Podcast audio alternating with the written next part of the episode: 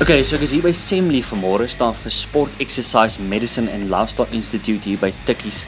En uh, vanoggend doen ons wat ons noem 'n Fatmax test. Nou uh, ek is bietjie clueless met hierdie goed, maar die ou wat verstaan hoe hierdie goeders werk is coach Devlin Eden en hy is meer clued up met hierdie goeders. Coach, are you well this morning? Yeah, very well, thanks. So let's start off. What exactly is a Fatmax test? All right, so what we're assessing here is we're using gas analysis, uh, which is pretty much a, a portable unit that we'll put on that we can measure your oxygen utilization as well as your carbon dioxide production, to put it quite simply. And from that, at different intensities in the test that we're going to be doing, we can determine your what substrate you're primarily using. And by substrate, I mean what fuel source. So whether you're oxidizing fat predominantly or carbohydrates, and what amounts of each substrate you're using at various intensities.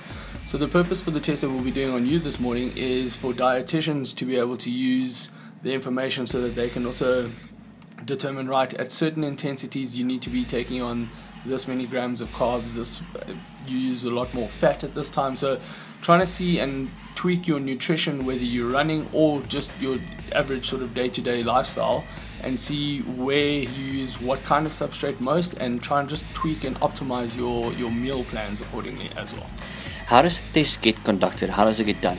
so this morning we'll be doing a, a bike test. So we'll sit you at a really low intensity to get started, and we'll work on three minute intervals. And each three minutes, I'm just going to keep ramping you up by a chunk of uh, what we call wattage. So obviously power output, um, and it'll just keep getting harder and harder and harder.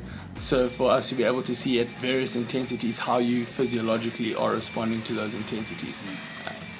And then there's the Fatmax test and the performance There was a difference between the two? So, sort of more, there, there are times where the test can be combined, but more what we then do from a performance based test is your a, a VO2 max or VO2 assessment, and pretty much similar type of protocol to what we'll be doing. Uh, but then we'll also do it quite specific to your sport, so whether it is running or cycling. And from there, we'll push you a lot harder. So we'll end up pushing you towards a max at the end of the test, and from there, able to determine what training thresholds you should be sitting at, what kind of pacing is suited to you. So again, it takes a lot of the guesswork out, and it's training. And if we're training properly for something like comrades, and that you don't want to be guessing what intensity you should be running at as an easy run. That allows us to actually fine tune to you as the individual what heart rate you should be running into to achieve what that particular session might be, as well as what pace and those sort of things to be working at. Who would typically uh, do a test like this? I mean, you mentioned uh, running comrades, for instance. Is that just for the more the elites, or is it for everybody? No, this is definitely for everyone, and that's I, I think something that a lot of people sort of concern themselves around is they feel no, this is just an, an elite level thing. Um, anyone who's taking on a big event, look, we something like a VO2 assessment, we would typically target more around endurance athletes, so whether it's triathletes, cyclists, or runners.